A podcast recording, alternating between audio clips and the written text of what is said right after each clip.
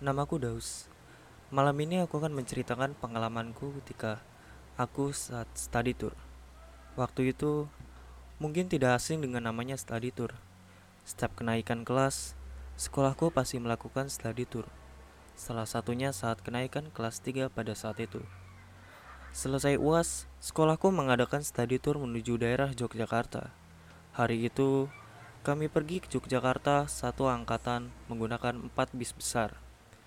Sebelum berangkat, kami berkumpul di sekolah jam 5 pagi. Dan setelah semuanya berkumpul, semua siswa dan guru pun masuk ke bisnya mereka masing-masing untuk memulai perjalanan. Ah, senang rasanya menghabiskan waktu bersama teman-teman sekolahku. Karena jika dipikir-pikir, ini momen terakhir kami sebelum disibukkan dengan ujian kelulusan nanti. Meskipun aku merasakan perjalanan darat yang cukup lama dan melelahkan, Sampai tak terasa, kami pun sampai di Yogyakarta. Kami menginap di salah satu hotel terkenal dan cukup besar yang sudah lama didirikan di Yogyakarta. Saat sampai di hotel, wali kelasku mengumpulkan kami di lobi untuk membagikan kunci kamar. Satu kamar ditempati empat siswa, dan saat itu entah kebetulan atau apa, aku sekamar dengan tiga sahabatku, Adli, Rafli, dan Tegar tepatnya di kamar 306. Setelah mendapatkan kunci, kami segera berjalan menaiki lift menuju kamar untuk segera beristirahat. Dan ketika di lantai dua, ternyata letak kamarku berada di sebelah kamar tusuk sate. Kamar yang berada di ujung lorong. Kamar tusuk sate itu bernomor 307. Menurut kamar yang ku dengar dari pegawai hotel ini, kamar tusuk sate adalah kamar khusus dan sebelum masuk ke dalam kamar, aku tidak sengaja melihat isi kamar 307 dari luar karena saat itu sedang dibersihkan oleh pegawai hotel itu. Dan ketika ku intip dari luar, kamar itu memang luas dan bagus. Sempat terfikir olehku, jika disuruh pilih kamar, itu akan menjadi kamar yang pas bagi kami berempat. Singkat cerita, setelah cukup beristirahat sejenak di kamar masing-masing, kami pun langsung ke acara selanjutnya yaitu free time. Teman sekamarku menyuruh menggunakan free time ini untuk berkeliling kota Yogyakarta. Aku pun mengiyakan ajakannya. Kami turun menuju lobi menggunakan lift.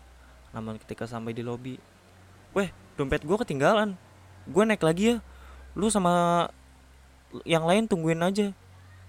Aku pun pergi menuju lift, menuju kamar di lantai dua. Namun ketika naik lift, Entah kenapa, lift terus menaik ke atas. Aku sedikit heran, padahal aku sudah menekan tombol turun di lantai dua. Pikirku, saat itu mungkin ada orang yang menekan duluan di lantai delapan. Jadi mau tidak mau, aku harus naik dulu ke lantai delapan. Dan lift pun berhenti di lantai delapan. Namun, ketika pintu terbuka, aku terdiam karena di lantai 8 ini tidak ada siapa-siapa Badanku mulai merinding. Pada saat itu, aku tak mau berpikir aneh-aneh. Aku langsung masuk ke dalam lift dan menuju kamarku. Setelah itu, langsung menuju lobi, di mana teman-temanku menunggu. Sesampainya di lobi, teman-temanku menanyakan kenapa lama sekali. Padahal hanya mengambil dompet saja, kata mereka. Aku pun tidak banyak bicara. Aku bilang tadi mungkin liftnya error, jadi lama. Kota Yogyakarta memang kota yang sangat indah. Kami berkeliling dengan berjalan sambil sedikit dan tak terasa waktu pun berlalu. Kulihat jam sudah menunjukkan pukul 10 malam. Kami pun langsung pulang menuju hotel. Sesampainya di hotel, aku langsung bersih-bersih dan bergegas pergi tidur. Begitupun teman-temanku. Di kamar ini terdapat dua tempat tidur terpisah. Malam itu, aku kebagian tidur satu kasur dengan Adli sedangkan Tegar dengan Rafli. Kulihat Tegar dan Rafli sudah tertidur lelap. Begitupun Adli. Sebelum tidur, aku berjalan menuju kaca dan melihat keluar jendela. Dan kebetulan arah jendela kamar ini langsung menuju ke arah kolam renang. Dan ketika aku lihat, ternyata masih ada yang berenang. Terlihat seperti seorang wanita dan sedikit muncul dalam pikiranku Udah tahu cewek, jam segini masih di luar. Kupikir perempuan itu sudah berenang sampai dua balikan tanpa istirahat. Jika diperhatikan, itu bukan perempuan sekolahku. Mungkin itu pengunjung hotel yang lainnya. Huh. Sudah mulai mengantuk, aku pun langsung tidur di kasur. Sampai tak terasa, aku pun terlelap. Ketika sedang tidur, aku pun terbangun. Kurasakan badanku terasa kedinginan, mungkin karena udara AC di kamar ini. Teman-temanku masih tertidur lelap. Kuputuskan untuk pergi ke kamar mandi dan buang air kecil. Namun, baru saja aku kembali tempat tidur, tiba-tiba terdengar suara seperti suara kuku yang mencakar dinding. Aku pun terdiam dan mencoba memastikan kembali suara itu, dan memang terdengar jelas. Penasaran, Aku mulai mencari asal suara itu, berasal dari dinding cermin di kamar mandi ini. Mencoba memastikan lebih pasti. Ku coba menempelkan kupingku ke dinding, dan ternyata suara cakaran itu semakin jelas. Dalam hatiku, bertanya suara apa ini? Sampai aku menyadari bahwa suara itu berasal dari kamar sebelah. Kamar 307. Kamar tusuk sate. Suaranya semakin jelas di telingaku. Telingaku masih menempel di tembok itu. Karena setauku kamar itu kosong. Sedikit penasaran, aku pun mengetok tembok itu.